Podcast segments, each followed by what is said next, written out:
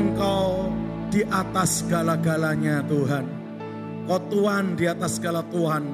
Kau Raja di atas segala Raja. There is none like you Lord. Enggak ada yang sebanding dengan Engkau Tuhan.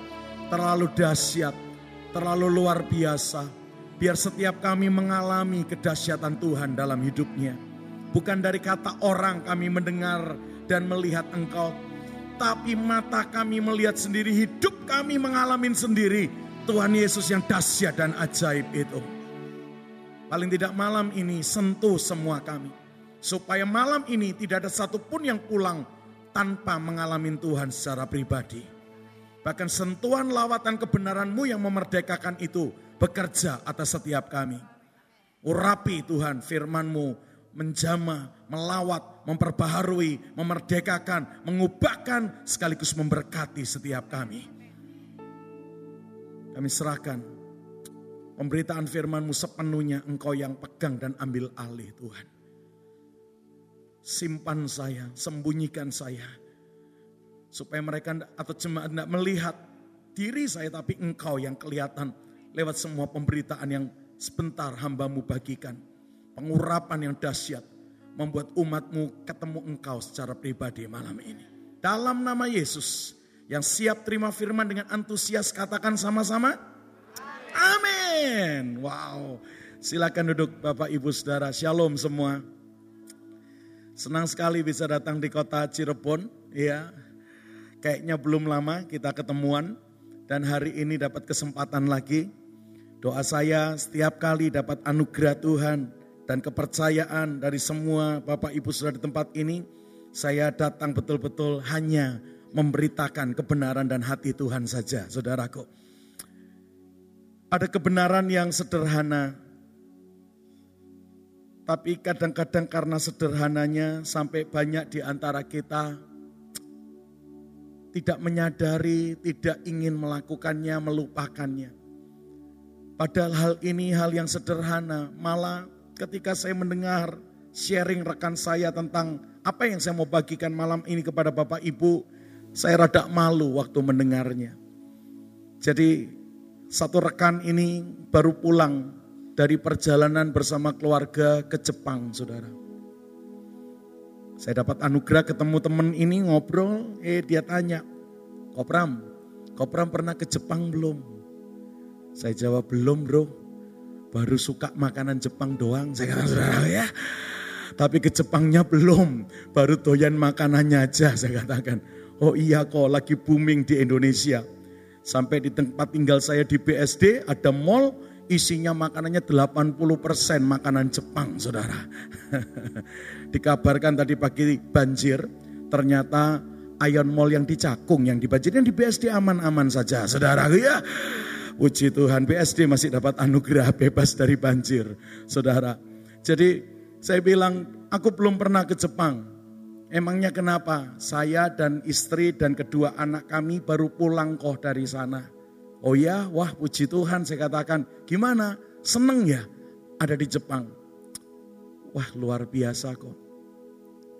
Beberapa rekan suka ngomong begini, kalau belum pernah ke Jepang, pergilah ke negara yang lain dulu. Terakhir baru ke Jepang. Kenapa? Kalau lu ke Jepang dulu, jadi males ke negara yang lain. Katanya gitu saudara. ya. Saya bilang serius kah itu bener nggak kalimat itu? Betul kok Pram. Terutama satu hal yang kemarin saya pelajari dan kagum dengan negara yang menyembah matahari ini. Negara itu nyembah bukan yang menciptakan matahari tapi menyembah mataharinya sampai benderanya pun matahari terbit yang muncul di benderanya. Oh ya, apa apa yang mempesona? Apa yang bikin kamu kagum-kagum dengan Jepang? Langsung dia ngomong, attitude-nya orang Jepang itu loh kau yang mempesona. Attitude itu perilaku, sikap, ya dan gara-gara attitude yang tinggi ini, stres mereka pun tingkat tinggi, saudara. Ya, karena attitude-nya biasa tinggi. Makanya kalau gak nyampe itu banyak yang mau bunuh diri dengan mudahnya, saudara. Tapi attitude ini menurut rekan saya, Wow, mengalahkan negara-negara yang katanya nyembah Tuhan yang mencipta matahari. Sementara mereka menyembah mataharinya bukan Tuhan yang menciptakan matahari, attitude-nya lebih tinggi dari yang katanya nyembah Tuhan pencipta matahari. Apa-apa yang kamu tahu dari attitude orang Jepang? Pertama yang saya ketahui dari kebersihan yang ada di beberapa banyak kota yang saya datangi 12 hari di sana. Waktu dia bilang kebersihan, langsung saya nyeletuk. Apa Singapura kurang bersih toh bro? Saudara ya. Kalau cuman bersih menurut saya nggak usah jauh-jauh ke Jepang, Singapura yang cukup dekat dengan Indonesia, saya pikir sudah bersih banget. Nah di situ kopram bedanya saya temukan kemarin. Apa bedanya? Singapura bersih karena ada peraturan di Singapura. Buang sampah sembarangan, dendanya tinggi loh saudara. Oh iya, di Singapura ada undang-undang loh CCTV di mana-mana, polisi di mana-mana, buang sampah sembarangan. Kalau nggak salah, yang lalu 500 sin dolar, 5 juta rupiah kira-kira dendanya. Sekarang dengarnya dinaikkan jadi 1000 sin dolar atau 10 juta rupiah dendanya kalau ketahuan buang sampah sembarangan. Saya ingat beberapa tahun yang lalu, waktu anak-anak saya masih kecil, kita beli es krim di Orchard Road satu dolaran megangnya ndak betul jatuh. Anak saya mau ambil, saya bilang, jangan, jangan, beli lagi aja, jangan diambil. Terus kita tinggal mau beli lagi. Diparanin polisi saya, saudara ya. Didatengin pak polisi, saya bilang, lu ambil, lu bersihin atau gua denda lu. Gua suluh, saudara ya. Langsung saya pungut, saya bersihkan. Walah ndak boleh toh saudara ya. Waduh, where do you come from? Langsung bilang begitu. Indonesia. Ngelewes dia, hmm, pantas kemprolo saudara. Oh iya. Aduh, terus dia beritahu saya di sini ada hukum loh. Buang sampah sembarangan dendanya gede. Karena kamu orang asing, oke, saya beritahu jangan berbuat ini lagi. Kalau tidak saya akan denda kamu. Waduh, es krimnya satu dolar, dendanya 500 dolar. Kan eman saudara, oh iya. Benar saudara. Nah teman saya bilang, Singapura bersih karena ada peraturan dan undang-undang itu. Dan kalau ngelanggar dendanya mahal. Jepang kok perang. Tidak ada peraturan. Buang sampah sembarangan ditangkap apalagi didenda. Enggak ada. Tidak ada peraturan itu. Tapi dahsyatnya orang Jepang tidak nunggu ada peraturan atau ada denda yang mahal baru tidak buang sampah sembarangan. No. Walaupun gak ada peraturan apalagi denda yang mahal, orang Jepang milih hidup dalam kebersihan. Makanya bedanya Jakarta banjir dengan kalau Tokyo banjir. Tokyo banjir jernih, jalan rayanya kelihatan. Jakarta butek, saudara ya. Lihat tadi siang viral toh videonya saudaraku ya. Yang di Cakung lah, yang di mana lah, yang di mana lah. Sampah-sampah. Wah, Jangan-jangan ada kasur lewat saudara. Iya, ada lemari lewat saudaraku. Aduh, sementara teman yang di Jepang banjir ini kayak di kolam renang saudara. Iya, kelihatan tekelnya, kelihatan aspalnya. Ya Tuhan, bersih banget. Karena apa? Orang Jepang nggak nunggu ada peraturan dan didenda. Baru nggak buang sampah sembarangan. Nggak ada peraturan, nggak ada denda. Mereka milih hidup dalam kebersihan. Saya keliling 12 hari kesekian banyak kota Salah satu yang susah saya temukan adalah nyari tong sampah. Orang ketemu kok saudara, ya enggak ada tong sampah. Saya baru ngerti, rupanya orang Jepang nggak sampah dewe saudara, ya Bawa sampah sendiri di satu tas yang ditaruh di sakunya, yang ditaruh di tasnya. Kalau makan sesuatu, makai sesuatu ada bungkusnya yang mau dibuang, ada sisa yang mau dibuang. Disimpan di tas sampah yang mereka masing-masing bawa. Nanti di rumah baru dipilah mana yang bisa di recycle, mana yang enggak. Ya Tuhan, kita tong sampah di mana-mana tetap orang digawe buang sembarangan saudara ya. Ngeri loh. Ngeri saudara. Apa itu namanya? Attitude aja. Perilaku aja yang gak asik. Saya dibawa ke satu kota, kalau tidak salah ingat namanya Fukushima. Ini kota yang beberapa tahun yang lalu kena tsunami, Kobram. Dan puji Tuhan, ada satu tempat katanya. Sebuah minimarket atau supermarket begitu. Yang tertolong lolos dari terjangan tsunami gara-gara lokasi supermarket ini dan fondasinya bagus. Sementara yang lain habis diterjang oleh tsunami. Dan akhirnya supermarket ini menjadi salah satu ikon kalau turis datang selalu dibawa ke sini. Kayak masjid yang di Aceh ya bro. Kayak gereja apa gereja Gisi atau IFGF yang di Donggala atau di Palu ya. Yang kena terjangan tsunami tapi nggak kena tertolong lokasi dan fondasinya bagus tetap berdiri. Betul Kopra mirip itu cuman agak beda dengan yang ini. Bedanya gimana? Waktu supermarket ini bebas dari terjangan tsunami. Orang kehilangan sandang pangan papan. Tahu-tahu pemilik supermarket memerintahkan, buka supermarketku yang bebas dari tsunami ini. Layani masyarakat yang membutuhkan. Jangan ada barang yang dinaikkan harganya. Kalau toh ada orang yang membutuhkan dan mereka kehilangan uang, suruh ambil saja, ndak usah bayar. Wow, makanya supermarket ini jadi ikon kok sekarang kok. Karena orang setempat berkata sebelum pemerintah turun tangan nolong kami yang baru diterjang tsunami yang kehilangan sandang pangan papan. Sebelum kota-kota yang lain nolong kami hari itu. Inilah tempat yang menolong pertama kali kami yang baru kehabisan, kehilangan sandang pangan papan. Rakyat jejer antri dengan tertibnya sampai katanya lebih dari satu kilometer. Dan ternyata bukan cuma pemilik supermarketnya yang punya attitude yang keren. Masyarakatnya antri dengan attitude yang tinggi. Enggak ada yang trombol-trombolan, enggak ada yang dorong-dorongan. Mereka antri dan begitu dikasih kesempatan masuk untuk ambil, untuk beli, untuk apa yang mereka butuhkan. Mereka masing-masing hanya ngambil sebutunya saja. Satu rumah tiga orang lapar beli roti ini mek telu saudara ya. Satu rumah ndak punya baju beli kaosnya isinya empat orang serumahnya beli empat. Karena mereka mikir yang lain biar juga dapat bagian jangan diambil saya saja.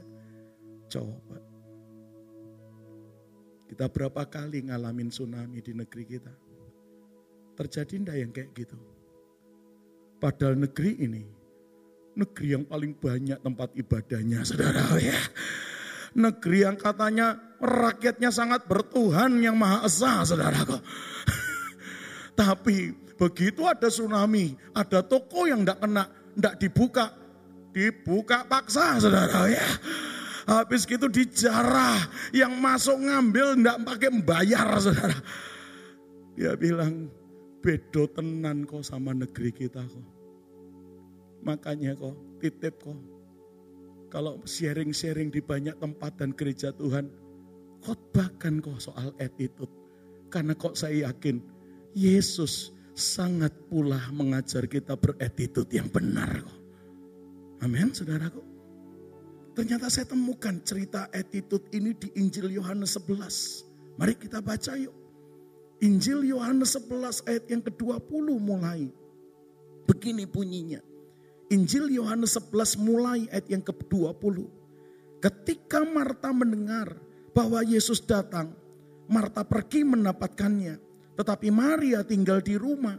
Maka kata Marta kepada Yesus Tuhan, Sekiranya engkau ada di sini, Lazarus saudaraku pasti tidak mati.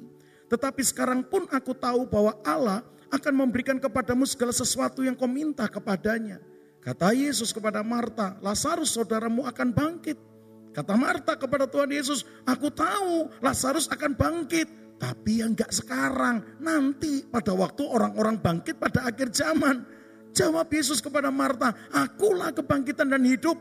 Barang siapa percaya kepadaku, ia akan hidup walaupun ia sudah mati. Dan setiap orang yang hidup dan yang percaya kepadaku tidak akan mati selama-lamanya. Percayakah engkau akan hal ini?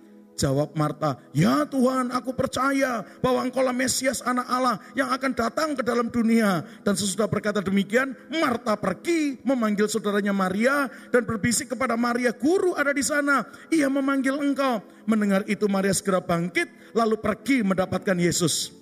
Tetapi waktu itu Yesus belum sampai ke dalam kampung Betania itu. Ia masih berada di tempat Marta menjumpai dia. Ketika orang-orang Yahudi yang bersama-sama dengan Maria di rumah itu untuk menghibur Maria, melihat Maria segera bangkit dan pergi keluar, mereka mengikuti Maria karena mereka menyangka Maria pergi ke kubur untuk meratap di situ. Setibanya Maria di tempat Yesus berada dan melihat Tuhan Yesus, apa kata Alkitab Anda dan saya? Sadar enggak kalau itu bahasa attitude? Tersungkurlah Maria di depan kaki Tuhan Yesusnya dan ini yang tidak dilakukan Marta di depan tadi. Lalu berkatalah Maria kepada Tuhan Yesus Tuhan, sekiranya engkau ada di sini, saudaraku pasti tidak mati. Ketika Yesus melihat Maria menangis dan juga orang-orang Yahudi yang datang bersama-sama Maria, maka maskullah hatinya Yesus. Yesus sangat terharu dan berkata, di mana Lazarus kamu baringkan? Jawab mereka, Tuhan marilah dan lihatlah. Maka menangislah Yesus.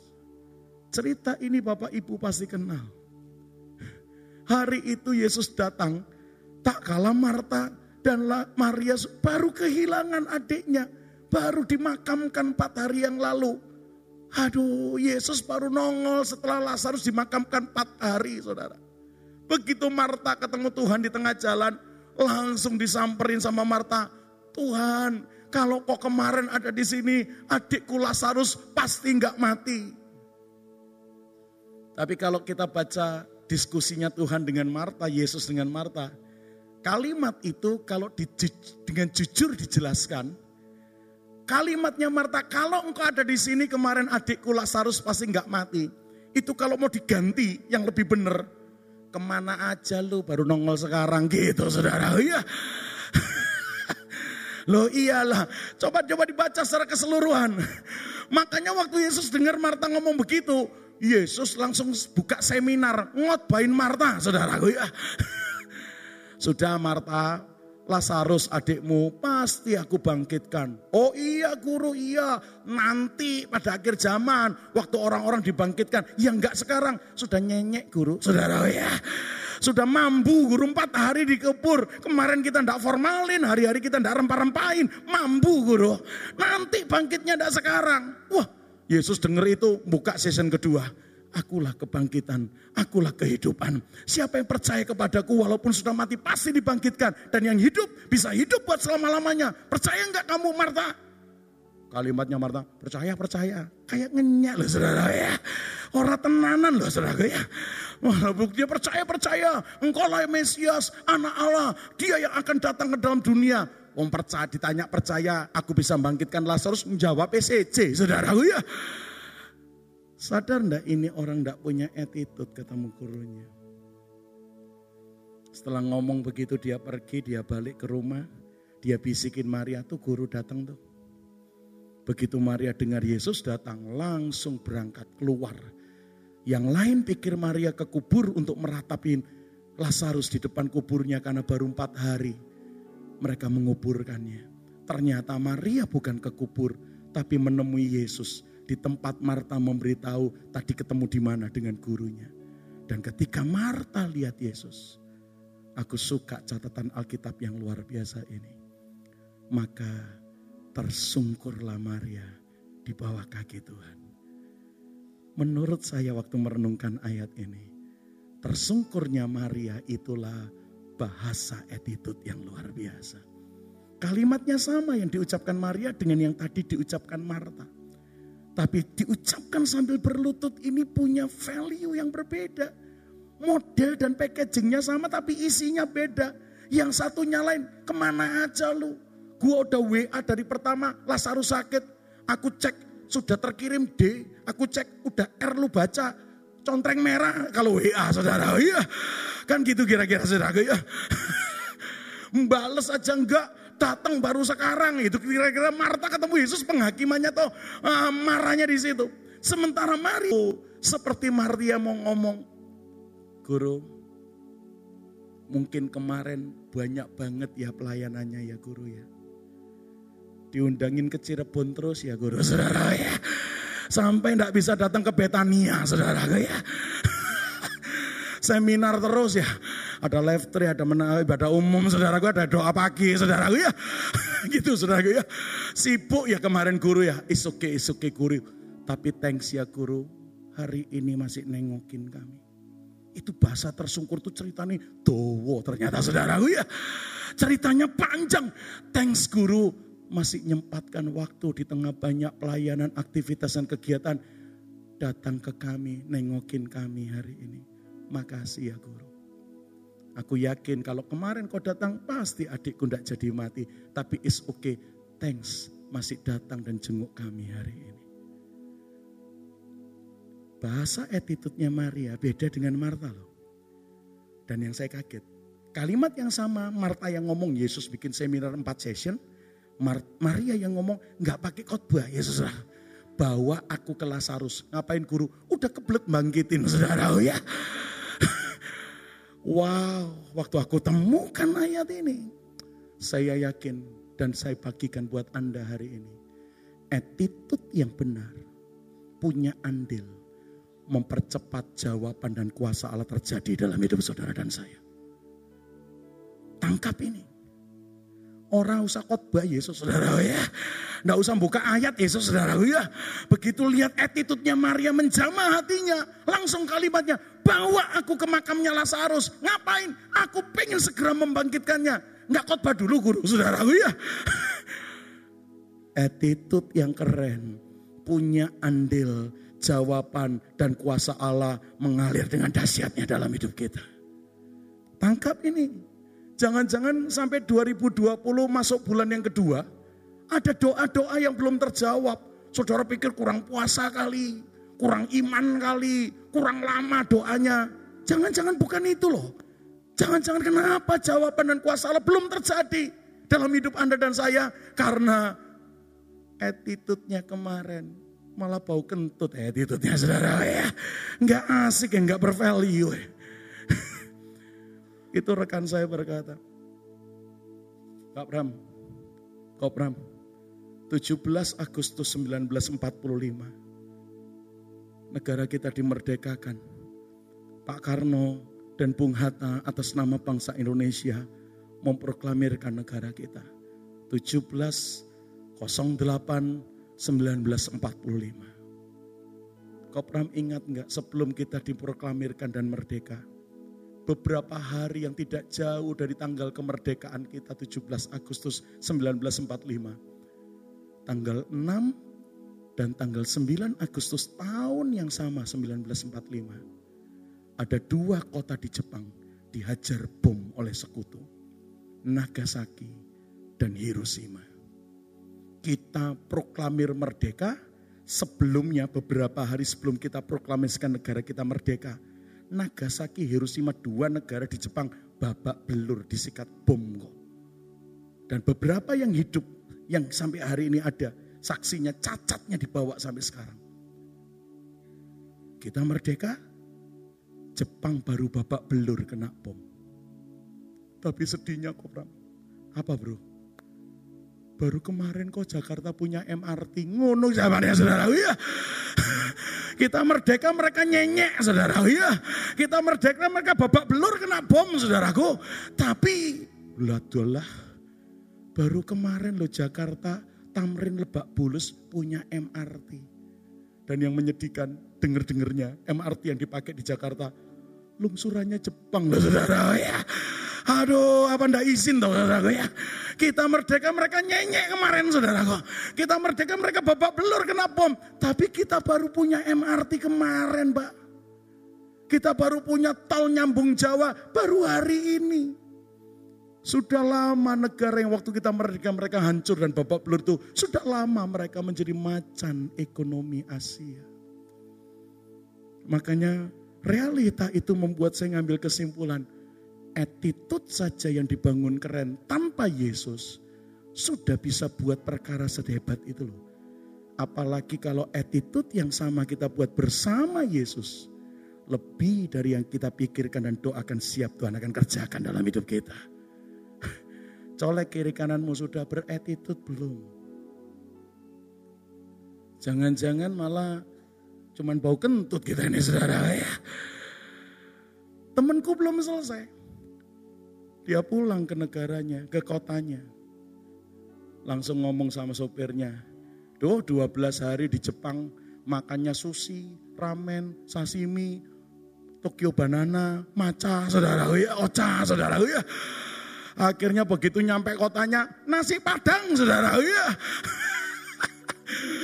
Langsung ke restoran nasi padang, selesai. Pengen duren.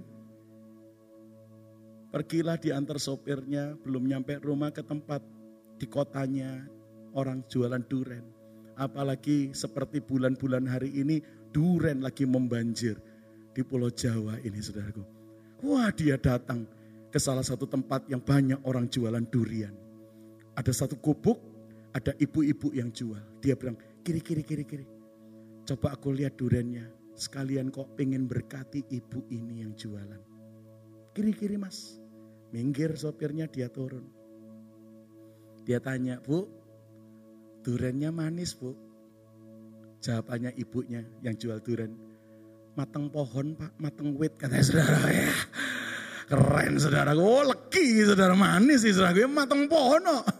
Makanya pertanyaan kedua, pinten bu? Berapa bu harga durenmu kamu jual? Di kota itu nggak kenal kayak di mall atau di supermarket kiluan, tapi per butir, per buah. Saya jual 80 ribu pak durennya pak. Tapi manis ya bu, manis mateng pohon oh pak. Saya nawar boleh enggak bu? Sampean Arab nawar pinten katanya saudara. Anda mau nawar berapa duren saya ini? Kalau saya beli durenmu 100 ribu boleh enggak bu? Edan sampean nggak saudara? Ya. Lu aku cuma nawarin wolong polo katanya saudara. Ya. Saya cuma nawarkan 80 ribu kok kamu tawar 100. Gila ya kamu ya saudara. Rekan saya ini sambil senyum bilang, enggak bu aku edan. Cuman mau ngomong gini aja, kalau memang Anda buka saya makan manis, udah bu, jangankan 80 tak bayar 100 nggak apa-apa. Tapi kalau Anda buka saya makan ternyata nggak enak, walaupun sudah dibuka saya batal beli Anda jangan marah ya bu. Gimana bu? Oke enggak? Wah ibu penjual durian ini kepingin dapat 100. Langsung deal katanya saudara. Ya Confirm saudara ya. oke katanya. Wah oke carikan. Bukain bu satu bu. Dia nyari duren lalu dia dapat satu dia buka. Monggo pak dicoba. Teman saya ambil satu dicoba. Langsung ngomong bu. Anyep bu saudara ya. Hambar bu, tawar bu. Malah perkiraan saya jangan-jangan belum terlalu matang loh bu. Mungkin satu, dua atau tiga hari lagi. Belum, belum manis bu. Kalau enggak percaya ibu coba. Ibu itu ngambil sedikit terus diincipi. Tanpa ngomong A, tanpa ngomong B. Ibu itu nyari duren kedua saudara ya. Begitu dia dapat yang kedua dia buka. Coba pak yang ini pak. Teman saya ngambil satu lagi dia makan. Kalimatnya sama ibu. Sama hambarnya saudara ya. Podo anyepe bu, podo taware katanya durung mateng nih kayaknya. Waduh ibu itu disuruh nyoba kali yang kedua nggak mau. Dia bingung nyari yang ketiga. Teman saya diemin aja pengen lihat kayak opo toh sikapnya toh. Sambil dia nyari durian yang ketiga, tahu-tahu ibu ini mulai keluarkan kalimatnya. Kalimatnya gini, Pak, menurut saya loh ya, durian itu ya manisnya kayak gini Pak. Kalau seperti ini kurang manis, bapak sebelum makan celupin gula. Kata saudara, iya. Baru dimplok saudara. Waduh, kok kalimatmu mengandung sianida toh saudara? Iya. Sengai orang enak didengari. Duren tuh enaknya kayak gini menurut saya kalau kayak gini kurang manis ya celupin gula baru lu makan pak. Mulai nggak enak kalimatnya saudara. Waduh, teman saya lihat gelagat yang nggak enak dia bilang sudah ada bu sudah enggak usah cari yang ketiga bu, nanti takutnya sama, nanti malah ibu rugi banyak. Udah, udah. Sorry ya bu, aku enggak jadi beli kalau begitu. Wah tambah mencurang dia saudara kok. Tapi teman saya keluarkan dompet dan akhirnya keluarkan. Tapi tetap dari bu saya bayar 100 enggak apa-apa. Sorry ya bu, saya enggak jadi beli. Ditinggal uangnya 100 teman saya keluar. Sambil keluar dia nunggu. Nunggu terima kasih, selamat jalan, sorry. Orang no kabeh kalimat itu saudara ya. Didiemin aja teman saya jalan keluar. Dan setelah dia mau masuk mobil dilirik, satu sewu ini dijupuk, ya saudara dikantongi saudara ya. Langsung temanku masuk mobil sambil geleng-geleng kepala, aduh ambil Jepang aduh saudara ya. Makanya dia sharing sama saya Pak Bram yang aku takut ibu itu di gereja ketua komsel loh saudara ya. Jangan-jangan guru sekolah minggu, choir, singer, WL saudara ya. Aduh kok ngeri kok. Aduh tapi ya sudah memang dari awal aku pengen memberkati penjual di gubuk itu. Ya tak relakanlah 100 ribu. Tapi kok nemen ya. Wong baru piro menit masuk lali sama janjinya. Kalau enak tak bayar 100. Kalau ndak batal aku ndak boleh marah. Dia ndak boleh marah kalau saya batal. Lali ambil janji nih kok saudara kok. Ya aduh tapi ya sudahlah. Saya masuk mobil saya bilang cari yang lain mas. Sama ada sopir saya. Kita jalan gak lama. Eh ada gubuk yang kedua bapak-bapak Tak lihat dari Joko lumayan durennya kelihatannya saya turun. Saya langsung tanya, Mas, duren apa ini mas? Duren Petro pak. Dari Jepara Pati pak. Uh, terkenal itu. Manis tak pak? Mateng wit, hmm, podo mbak ibu ibu ngomongnya saudara. Ya, mateng wit kabeh saudara. Ya, mateng pohon semua saudara. Pinten mas? Pak, saya ngomong dulu ya. Duren saya itu yang saya jual ini cuma dua rasa Pak. Manis saja atau manis ada pahit getirnya dikit. Yang lain tidak ada Pak. Gayamu mas katanya saudara. Iya. Piro, piro, kamu jual piro katanya. Sorry ya Pak. Tidak boleh nawar ya Pak. Per biji saya jual 150 ribu. Kok mahal? Tapi kalau tidak enak, tidak seperti yang Anda pesan, tidak usah bayar Pak. Tidak usah dibeli Pak. Yang tadi yang ngomong gitu lali kok saudara. Iya, hitungan menit lali kok sama janjinya saudara. Tapi tenan ini, benar ini, benar pak. Coba, bapak mau yang mana? Aku mau yang manis getir kalau gitu. Jangan manis toh ya, manis ada pahitnya gitu. Siap, tunggu pak, saya carikan. Uh dia carikan. Tapi 150 loh pak ya, oke deal. Dia cari, dia temukan yang satu, dia buka. Coba pak, dicoba yang ini pak. Teman saya ngambil satu dicoba Kayak dilawat roh kudus saudara. Iya. Mukanya berseri-seri dilawat duren saudaraku. Kayak musangking saudara. Iya. Indonesia musang queen ini saudara. Wih dia makan lu enak dia panggil istrinya, dia panggil kedua anaknya dari mobil, turun semua makan saudara. Mereka bilang wah kita tenan enak ini. Makanya empat orang makan satu kurang. Satu lagi mas, iji meneng mas, yang kayak ini ya mas, manis getir. Siapa? Dia pilihin, dibukain. Monggo pak. Begitu rekan saya coba yang kedua dan makan. Mimik wajah dan body language-nya berbeda. Yang pertama kayak dilawat roh kudus, yang kedua kayak ketemu roh kudus. Saudara, ya. Rada lain. Tapi yang keren kesaksian teman saya. Saya belum komplain Pak Pram. Bakul Duran ini langsung bilang, sorry Pak yang kedua ndak enak ya Pak. Kaget saya. Saya belum komplain loh kok. Baru tak makan mungkin mimik wajahku atau apa. Langsung dia, eh gak enak ya Pak. Enggak seperti yang pertama ya Pak. Wah keren nih. Dia ndak nunggu dikeluin mas, ah, di, apa dikomplain. Dia udah melayani masyarakat atau pembelinya customernya dengan luar biasa kok. Mimik wajahku dilihatnya. Yang lain itu kok kita udah komplain orang digubris saudara oh ya. Ini keren ini, itu attitude loh saudara, itu attitude itu. Kita nggak sadar itu, itu perilaku itu. Ini belum dikomplain kok, belum. Dia langsung bilang nggak enak ya pak. Saya cuma senyum, tapi lumayan mas, lumayan. Kenapa pak? Hanya pak, bukan, bukan betul omongan anda. Durenmu cuman manis getir dan manis saja. Yang pertama betul manis getir, yang kedua ini manis tok, enggak ada getirnya. Tapi enggak apa-apa mas, lumayan kok mas. Kita makan aja, jangan pak, jangan. Laus kadung tak cekelok saudara, oh iya udah ambil satu, enggak apa-apa pak. Tapi kalau anda mau makan silakan. Yang ini enggak usah bayar ya pak. Wow. Saya tak carikan yang manis pahit. Sudah ada mas, gak usah mas. Kolesterol nanti saya mas saudara. Oh iya, kebanyakan duren saudara. Pak, kalau enggak, nanti dibawa pulang aja yang ketiga. Tapi saya cariin dulu yang manis getir. Kalau memang Anda tidak mau makan, bawa pulang aja. Saya tidak punya tupperware pak. Ya bawa aja wungkul, tapi cobaan dulu ini manis getir. Dia langsung ke belakang. Dia cari durian dan dia keluarkan. Lalu dia buka. Kalau yang ini coba pak.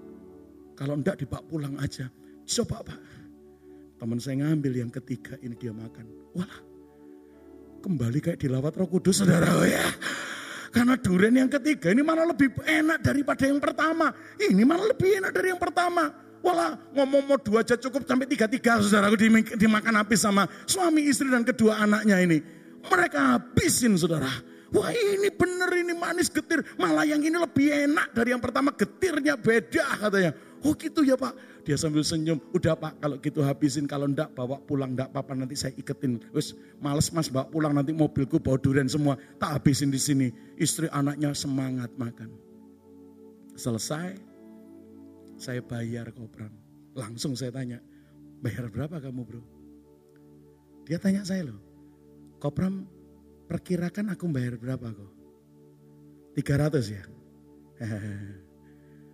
Hampir saya mikir mau bayar 300. Tapi karena baru pulang dari Jepang lihat contoh attitude yang keren.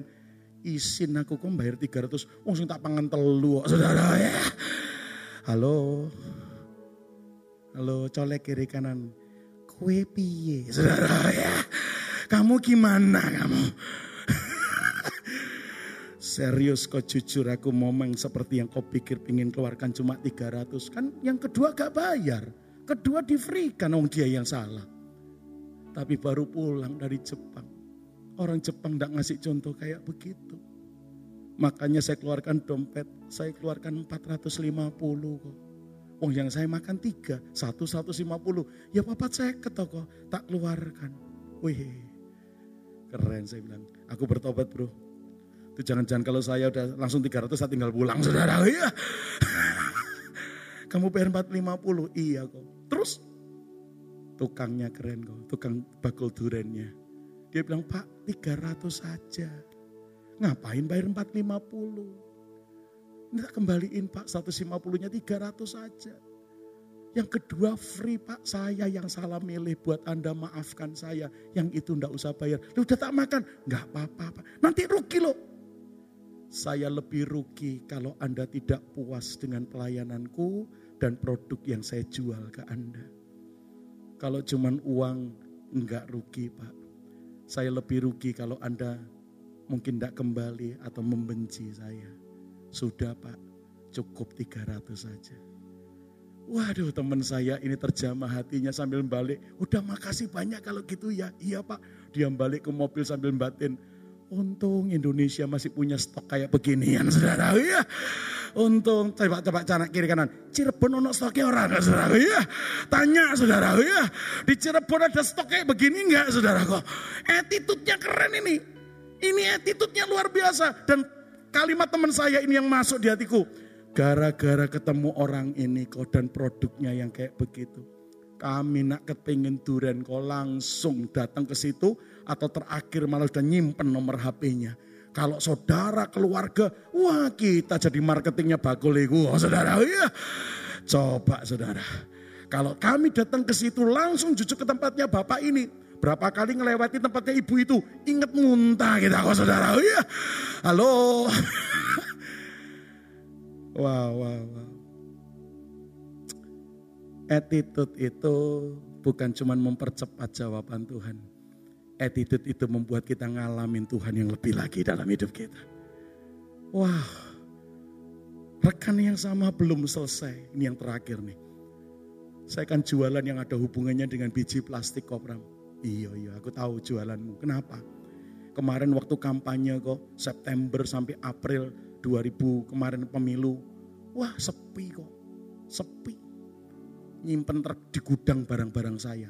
Eh setelah pemilu ketahuan kira-kira yang menang siapa, eh Tuhan kirim pembeli kok, customer, malah customer baru kok, yang belum pernah hubungan dengan saya. Tahu-tahu hubungin, lihat barang saya cocok dengan harga yang saya berikan, ditebas kok, dibeli semua barang saya kok. Oh ya, wah saya bilang, thanks Lord. Habis tujuh bulan sepi, setelah itu dikirim yang beli hampir semuanya. Wah rapel katanya saudara. Iya, ini order yang mengalahkan kerja tujuh bulan kok. Wah Tuhan ngerti kue wingi sepi, saya ini diberkati gede. Iya kok. Dan akhirnya saya bilang, eh kirim duit dulu ya. Tak siap no, kirim duit. Begitu uangmu pembayaran masuk, tak kirim barangmu. Aku belum kenal kamu, baru kenal sekarang kok. Habis tujuh bulan sepi, saya tidak mau habis jatuh ketimpa tangga di ditek saudara ya. Makanya kirim uangmu masuk, aku baru bayar, aku baru kirim barangnya. Tak siapin ya. Baik pak, saya juga buat yang sama kok kalau jualan dengan orang yang saya belum kenal juga begitu. Enggak apa-apa, saya enggak tersinggung, siap katanya. Wah oke, okay. tak pak, kamu kirim pembayaranmu. Kabari, saya kirim barangnya. Siap. Dipak, diaturin semua, Sambil dia telepon pabrik mau kulaan lagi. Begitu telepon pabrik, pabrik ngomongin, ya kok kamu dulu yang telepon. Emangnya apa? Mau kamu atau saya yang telepon sama aja lah. Aku mau order nih. Nah mau order katanya pabriknya. Kenapa kok nana terus? Hari ini kulaan biji plastik naik 30 persen bro. Gila kamu ya? Gila ya? Habis sepi-sepi kemarin kena kampanye, belum pulih, belum normal, kamu naikkan. Wah bunuh diri kamu apa bisa terjual barangmu naik 30% lagi. Naik 5% aja menurut saya sikon kayak begini tinggi sekali. Ngacau kamu. Kami coba perjuangkan ternyata rapat komisaris memutuskan per hari ini kulakannya naik 30%. Waduh, kami coba tawar enggak bisa. Akhirnya Makanya kamu yang telepon dulu berbeda dengan kami dulu yang ngabari hal ini. Wah ketika saya dengar itu kopram, di situlah kok sorak-sore berubah jadi kain kabung kok saudara. Iya, tari-tarian berubah jadi ratapan kok saudara kok. Rada kebalik kok dengan yang Alkitab katakan. Lu ala baru kedol re, baru kejual re. Lah kok sekarang buat kulaan ndak bisa. Terus apa yang terjadi? Jujur kopram, aku mau membatalkan Aku mau hubungin customer baraku sambil berharap belum kirim duit. Sehingga saya punya alasan, sorry ya harganya naik mau tak batalin. Tapi ketika saya mau berencana mikir kayak begitu, Roh Kudus ingatkan, katanya punya Tuhan, kok ingkar janji. Waduh, pulang dari Jepang nyembah matahari attitude-nya tinggi. Kamu nyembah Tuhan yang menciptakan matahari malah turun attitude-nya. Tapi kan rugi Tuhan. Sementara saya bergumul, saya saat teduh, saya dapat ayat ini Kopram. Baca yuk ayat attitude berdagang ini yuk. Mazmur 15. Ini ayat yang terakhir saudara. Mazmur 15 ayat 4 dan 5. Ini ayat yang ditemukan rekan saya dan waktu saya baca saya juga diberkati. Begini bunyinya. Mazmur 15 ayat 4 dan 5. Yang memandang hina orang yang tersingkir, tetapi memuliakan orang yang takut akan Tuhan, yang berpegang pada sumpah walaupun apa? Catat itu. Yang berpegang kepada janji dan sumpah walaupun rugi. Yang tidak meminjamkan uangnya dengan makan riba, tidak menerima suap melawan orang yang tak berdaya. Penutup kalimatnya apa? Siapa yang berlaku demikian termasuk gara-gara berpegang kepada janji siap dan rela rugi. Apa yang terjadi? Siapa yang berlaku demikian? Tidak akan goyah selama-lamanya. Ini ayat menjadi saat teduhnya hari itu. Wah kaget dia. Makanya hari itu dia tetap putuskan telepon customer barunya. Tapi kalimatnya gini bro, sudah transfer belum bro? Ini saya sedang di bank pak. Beberapa menit lagi selesai tak kabarin tapi cek dulu. Kalau begitu kamu lihat sudah masuk baru kamu kirim. Udah siap enggak barangnya? Sudah bro, sudah siap. Tinggal dengar kamu sudah transfer. Saya sekalian ngomong ya bro, harga yang kemarin kita deal, yang hari ini kamu bayar, ini untuk pembelian yang kali ini saja ya. Kalau kamu order lagi besok, harganya per hari ini naik 30% bro. Loh pak, baru transaksi pertama kok sudah naik toh pak saudara. Oh, ya. Saya juga tidak kepingin naikkan bro, saya mau kulaan lagi. Pabrik ngabarin per hari ini naik 30 persen. Tapi ya sudahlah. Saya ingin yang berikutnya saja kamu tahu harganya tidak seperti yang kemarin. Yang ini tetap bro. Berikutnya nanti saya kemba, uh, apa naik 30% harganya. Saya pikir wah paling cuma beli sekali ini orang. Tapi hari itu aku dibuat kaget sama Tuhan Kopram. Karena kesaksian kayak begini belum tentu terjadi di orang yang lain. Apa yang terjadi? Aku kan ngomong gitu Kopram. Toto dia bilang, saya juga pedagang kayak Anda. Saya bisa merasakan yang Anda rasakan kalau saya juga ada di posisimu. Makanya Pak, ndak usah nunggu order saya berikutnya ya Pak. Yang ini aja naikin 30 persen, ndak apa-apa Pak. Kaget aku kok. Gimana gimana? Wow, pura-pura orang denger kerungu saudara ya. Ulang-ulang ulang gimana gimana? Loh aku ini pedagang kayak Anda Pak. Aku bisa merasakan yang Anda rasakan hari ini. Kalau gitu udah enggak usah nunggu order saya berikutnya. Yang saya mau bayar hari ini naikkan 30 persen enggak apa-apa. Begitu dia ulang saya langsung bilang gila kamu ya. Tapi begitu aku ngomong gila roh kudus di dalamku ngingetin. Lu juga pernah gila kemarin. Wong duren wolong polo kue tuku satu saudara. Oh iya kue edan wingi saudaraku. Artinya, artinya roh kudus cuma mengingatkan apa yang kemarin kamu tabur, hari ini pula yang kamu tuai nak. Kamu gila kemarin tapi heroik. Malah itu orang lupa dengan janjinya kamu tetap bayar. Edan bener kamu. Nom poinmu itu naik di hadapanku dan aku kembalikan hari ini. Itu orang bisa kayak begitu loh. 5 miliar orang di dunia setengah enggak ada yang kayak gini loh saudara. Oh iya. Yang lain merengek-rengek, saudara udahlah kasih harga lama dulu ya. Apalagi kayak bau pendeta, bau gereja minta diskon lagi saudara. Oh iya. Aduh saudara. Tapi ini orang berkata, no, no, no, no, no. Nggak usah nunggu order berikutnya, yang ini aja naikkan. Gila kamu. Enggak. Alasan saya yang kedua selain memang aku pedagang sama kayak kamu sehingga bisa merasakan kalau ini juga terjadi ke saya. Alasan saya yang kedua adalah jujur Pak, sebelum ketemu Anda dan ngerti barang dan harga barangmu yang biasa aku beli. Aku biasa ketemu toko yang lain yang kalau aku beli di sana lebih mahal dari kenaikanmu 30% hari ini saudaraku ya. ya sudahlah, aku cuman klik aja kok ketemu kamu dagang dengan kamu klik aja. Wes toh jangan naikkan, jangan nunggu order berikutnya yang ini naikkan saja. Terus kamu akhirnya naikkan. Wah kalau saya naikkan saya enggak ber, bervalue kok saudara ya. Terus gimana saya enggak mau kok saya bilang enggak bro. Ini harga lama aja seperti yang kemarin kita deal. Berikutnya baru harga baru. Ternyata dia bilang, wah kalau gitu aku enggak jadi beli deh pak. Lu lebih gila lagi nih saudara ya. Kalau kamu kasih harga lama aku enggak mau hari ini naik. Naikkan aja harga baru, baru aku beli. Kalau enggak aku enggak jadi nih. Loh ya piye tau saudaraku ya. Sekali lagi, 5-6 miliar orang seperempat enggak ada yang kayak gini saudaraku ya. Tapi kaget saya mendengar kesaksian rekan saya ini. Solution endingnya. Karena teman saya dikasih harga baru tidak mau, pembelinya dikasih harga lama tidak jadi beli. Ending terakhirnya, separuh dari kuantitas yang dia beli kemarin pakai harga lama, separuh kuantitas yang dia beli kemarin pakai harga baru. Sehingga terjadi win-win solution di situ. Dan akhirnya temanku berkata, dagang kayak gini bakal awet iki kok sorga iki ya saudara ya. Yang ndak sorga yang neraka berarti yang tidak beretitut dalam dagangannya. Wow. Yuk malam ini pengen ndak 2020 adalah menjadi tahun jawaban Tuhan buat kita. Tahun kasih kuasa Tuhan dicurahkan buat kita. Selain beriman, selain berdoa, jangan-jangan berpuasa, bangun attitude yang keren Bapak Ibu. Attitude itu punya pengaruh terhadap lebih cepatnya kemuliaan dan jawaban Allah tercurah buat kita. Bahkan satu negara yang katanya belum ketemu Tuhan, baru ketemu ciptanya Tuhan matahari aja dengan attitude-nya mencapai karya yang luar biasa dalam hidupnya. Dan kemarin terbukti loh, virus corona masuk.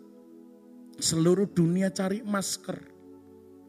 Luarang kabeh, munggah kabeh regani masker saudara ya. Tahu-tahu muncul berita. Negara Jepang produksi masker dan dijual khususnya ke Cina dengan harga diskon yang luar biasa karena mereka ingin menolong. Yang lain ngambil kesempatan dalam kesempitan. Negara bunga sakura ini malah ngasih teladan tidak ngambil kesempatan malah nolong bos. Haleluya. Attitude tanpa Tuhan aja bisa buat perkara besar terjadi. Apalagi kalau kita beretitude bersama dengan Tuhan Yesus yang luar biasa lebih dahsyat dari Jepang Tuhan akan kerjakan lewat hidup kita. Bangkit berdiri bangkit berdiri. Kita suka lupa kebenaran yang sesederhana ini dalam kehidupan kita. Kita mikir yang tinggi-tinggi sampai yang remeh-remeh begini malah nggak pernah kita lakukan. Wah bahkan akhirnya membuat kita mempermalukan Tuhan. Karena kita bilang punya Tuhan yang besar. Tapi attitude kita ngalang-ngalai orang yang tidak punya Tuhan saudara kok. Yuk, yuk, hari ini saya pun mau bertobat loh saudara. Saya pun mau merendahkan diri dan berubah. Berapa kali kadang-kadang kalau bilang saya pendeta tujuannya ben dapat diskon 10% saudara ya. Untuk pelayanan tujuannya supaya didiskon sekian persen. Saya rubah. Saya kalau ada uangnya harganya berapa sudah tidak usah diskon saya bayar itu aja. Beberapa orang mulai bingung gitu. Pak karena ini gereja kita diskon 10. Uh, eh, kayaknya masih ada kok. Kita bayar aja usah diskon. Saudara, kaget ya saudara. Ya. Attitude itu ditunggu sorga dan dinantikan sesama saudara kok. Amin. Sampai muncul satu kata dalam bahasa Inggris yang keren. Your attitude determines your altitude. Perilakumu akan mempengaruhi pencapaian dalam hidupmu saudaraku. Perilakumu akan mempengaruhi prestasi-prestasi dan pencapaian dalam hidupmu. Your attitude determines your altitude. Wow. Kenapa pencapaian yang ngono-ngono dok? Lah attitude yang ngono-ngono dok ya saudara. Hari ini kita minta Tuhan ubah hatiku Tuhan. Ubah hatiku, ubah kebiasaanku Tuhan. Ubah habitku Tuhan.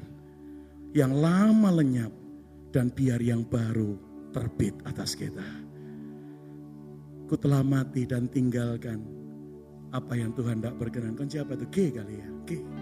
Yes. Katakan yuk. Ku telah mati dan tinggalkan. Oh.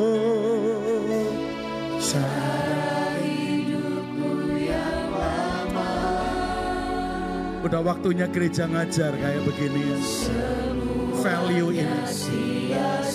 Kadang-kadang di kekristenan di gereja yang diajar cuma mendadak diberkati, mendadak dipromosi. Nggak ngajar proses yang benar, perilaku yang benar. Katakan, hidup ini oh, ku letakkan pada mesbamu ya Tuhan. Haleluya.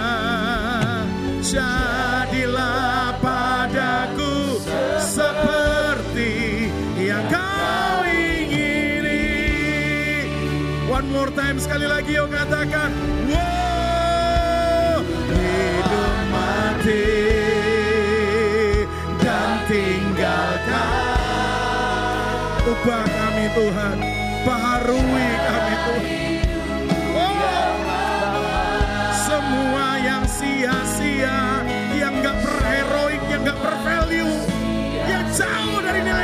kerajaan sorga, tinggalkan.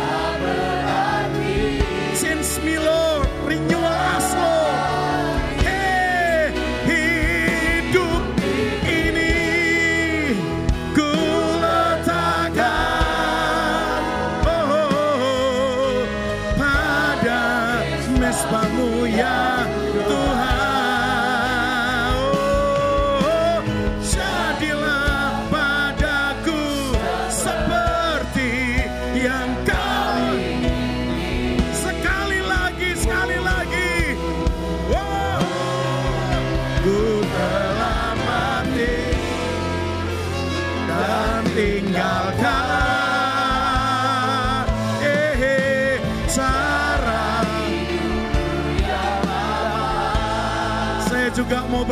bersama-sama yuk.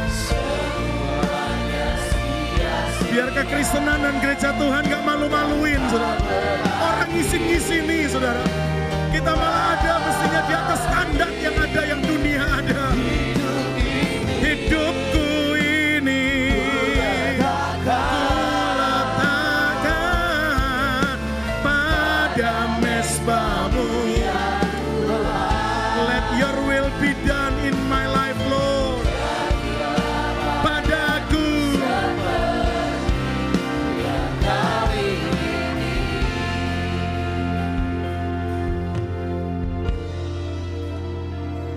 Kali saya share ini di anak-anak rohaniku. Mereka aja berkata, kami hampir tidak pernah gereja ngajar yang beginian kok. Jujur sampai pendeta, pemimpin gereja, semua tukang minta diskon. Semua minta fasilitas. Padahal kita tahu mestinya mereka mampu, tapi mereka ngeri kok. Thanks Kopram ngajar yang beginian. Supaya Yesus standarnya dan ke gerejanya standarnya lebih tinggi dari dunia yang ada. Oh God, saya cuma ingat Matius 5 berkata, biarlah terangmu bercahaya di depan orang. Lalu mereka melihat perbuatanmu yang baik. Kata good work di situ salah satunya attitude Anda dan saya biar memberkati banyak orang. Nanti lihat orang akan dibawa kepada Yesus karena melihat attitude dan perbuatan baik yang luar biasa yang Anda dan saya kerjakan dalam hidup ini. Amin. Kita bertobat sama-sama yuk, kita pulang diubahkan dan hidupi jalani hidupmu dengan attitude kelas kerajaan sorga. Saudara, hei ku lama saya serahkan kepada Ibu Nani. Ku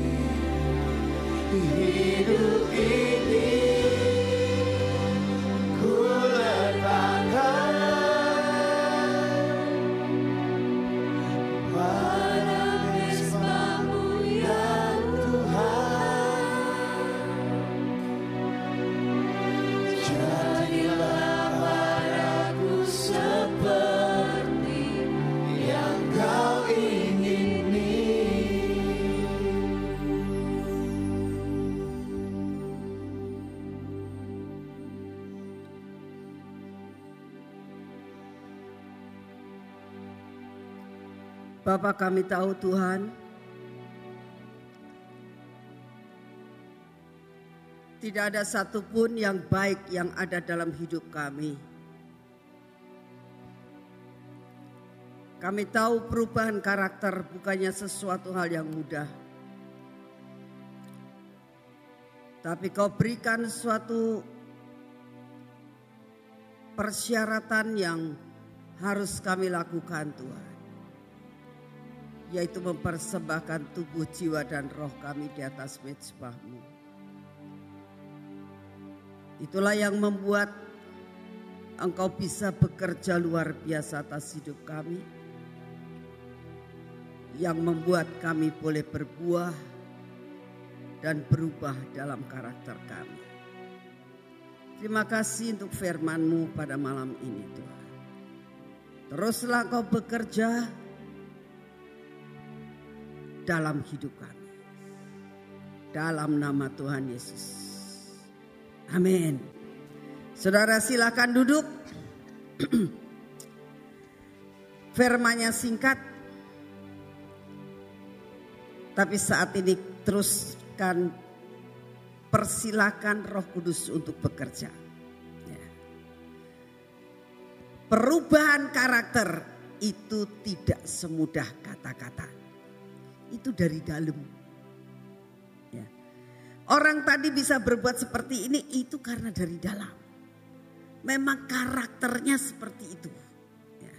Tetapi satu perkara bahwa karakter itu buah roh. Ya. Buah roh itu perlu dipelajari. Ya. Mulai dari biji sampai bertumbuh sampai berbuah itu proses. Saya berdoa supaya saudara dan saya punya karakter Kristus. Ya.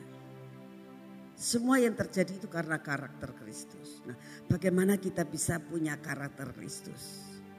Kalau saudara mau mempersembahkan tubuh jiwa dan rohmu di atas mesbah Tuhan.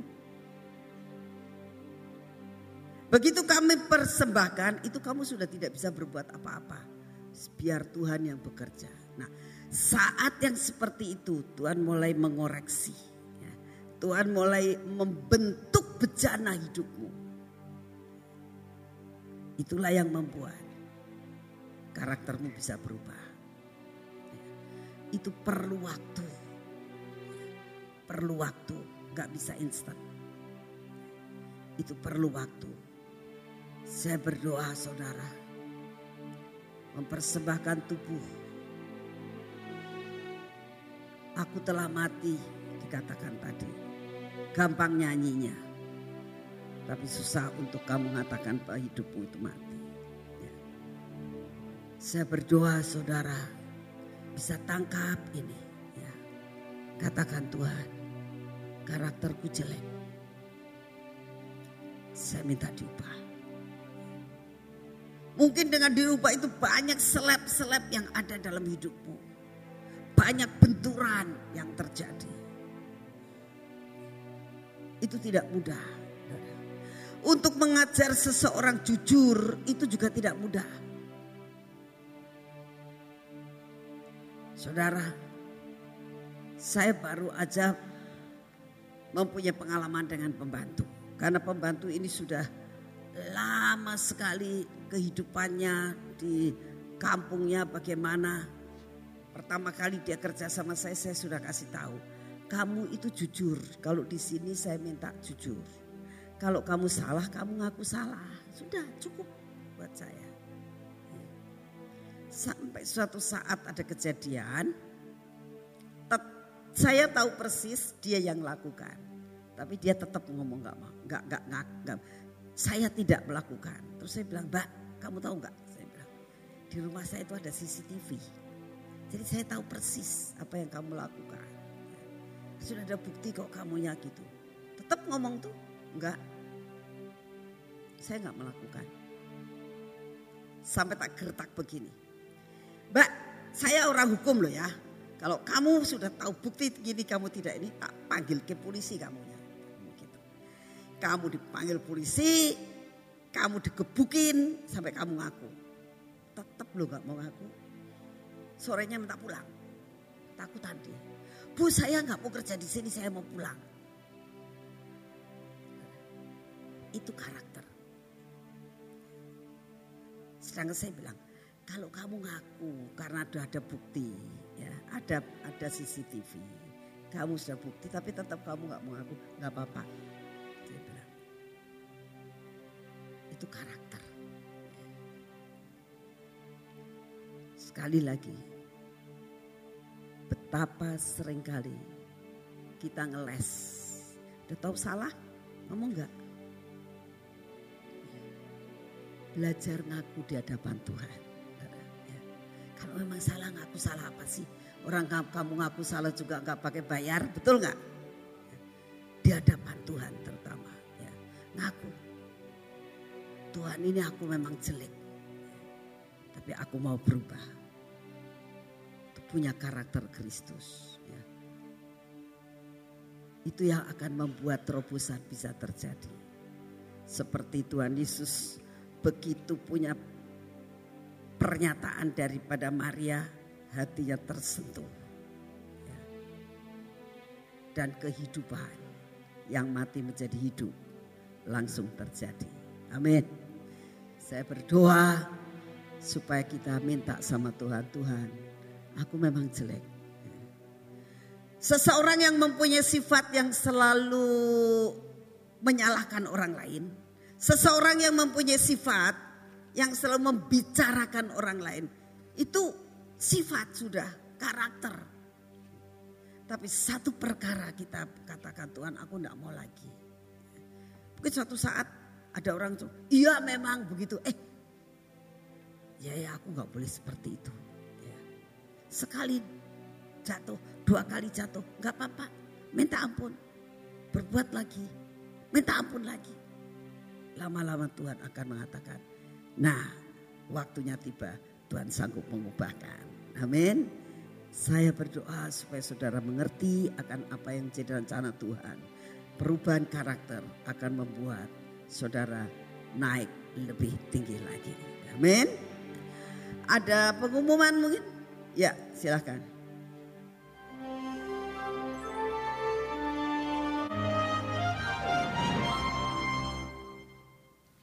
Shalom Jemaat Tuhan, mari kita simak warta kegiatan ibadah di persekutuan doa eklesia dalam minggu ini. Mari terus membangun roh kita dengan pujian penyembahan, praise and worship pagi diadakan setiap hari Senin sampai Sabtu jam 7 pagi hingga selesai. Ibadah Persekutuan Doa Eklesia Cirebon hari Selasa tanggal 3 Maret atau Selasa minggu depan akan dilayani oleh Pendeta Victor Purnomo dari JKI HTE Semarang. Untuk anak-anak juga diadakan ibadah Sion Kids bersamaan dengan Persekutuan Doa Selasa, tempatnya di Upper Room Gedung Gracia. Ibadah Live Tree Community yaitu ibadah dewasa muda diadakan Rabu 25 Februari pukul 18.30 di Upper Room Gedung Gracia. Firman Tuhan kembali bersama Pendeta Pramono Limanto yang akan memberkati Anda kaum dewasa muda. Dan ibadah Lifeguard Youth Community diadakan hari Jumat 28 Februari mulai jam 6 sore akan dilayani oleh Evangelis Sofia dengan tema Soulmate.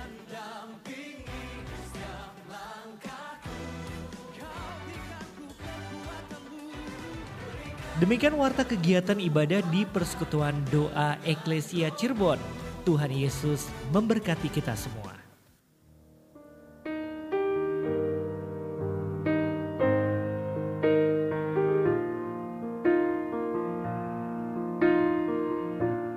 Kemarin anak-anak lifeguard sedang memberikan suatu seminar narkoba di Akme.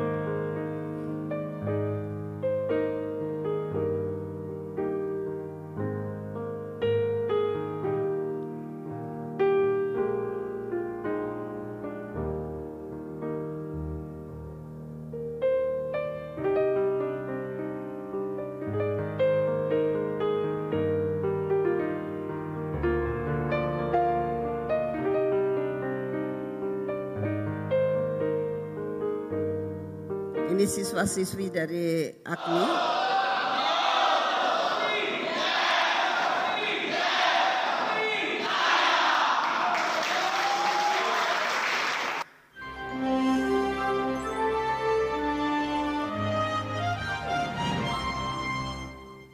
Ya, uh, saudara sebentar di sebelah kanan saya ini anak-anak LG membuat kaos dan kaos saja sama apa?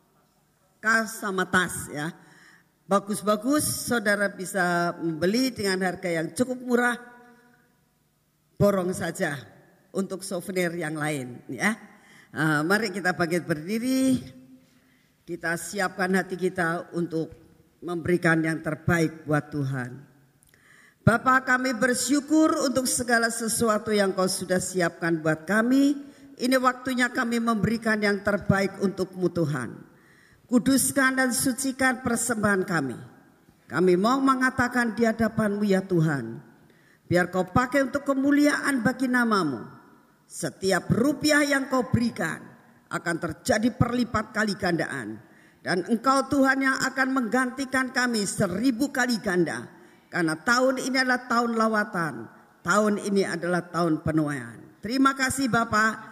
Dalam nama Tuhan Yesus. Amin. Silakan maju ke depan dan kita akan berikan yang terbaik buat Tuhan.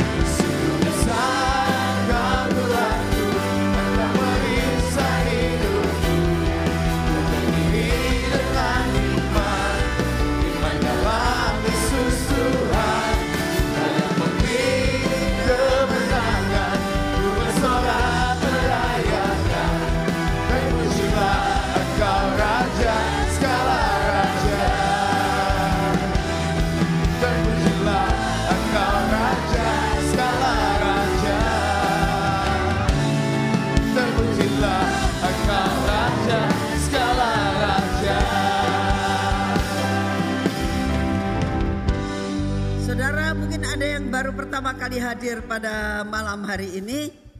Ada yang baru pertama kali hadir. Saya minta bangkit berdiri, kita beri salam buat saudara-saudara yang baru pertama kali hadir. Ada saudara yang baru pertama kali hadir? Nah, itu ya. Beri salam kanan kiri buat saudara yang baru pertama kali hadir pada malam hari ini. Selamat datang buat saudara yang baru pertama kali hadir.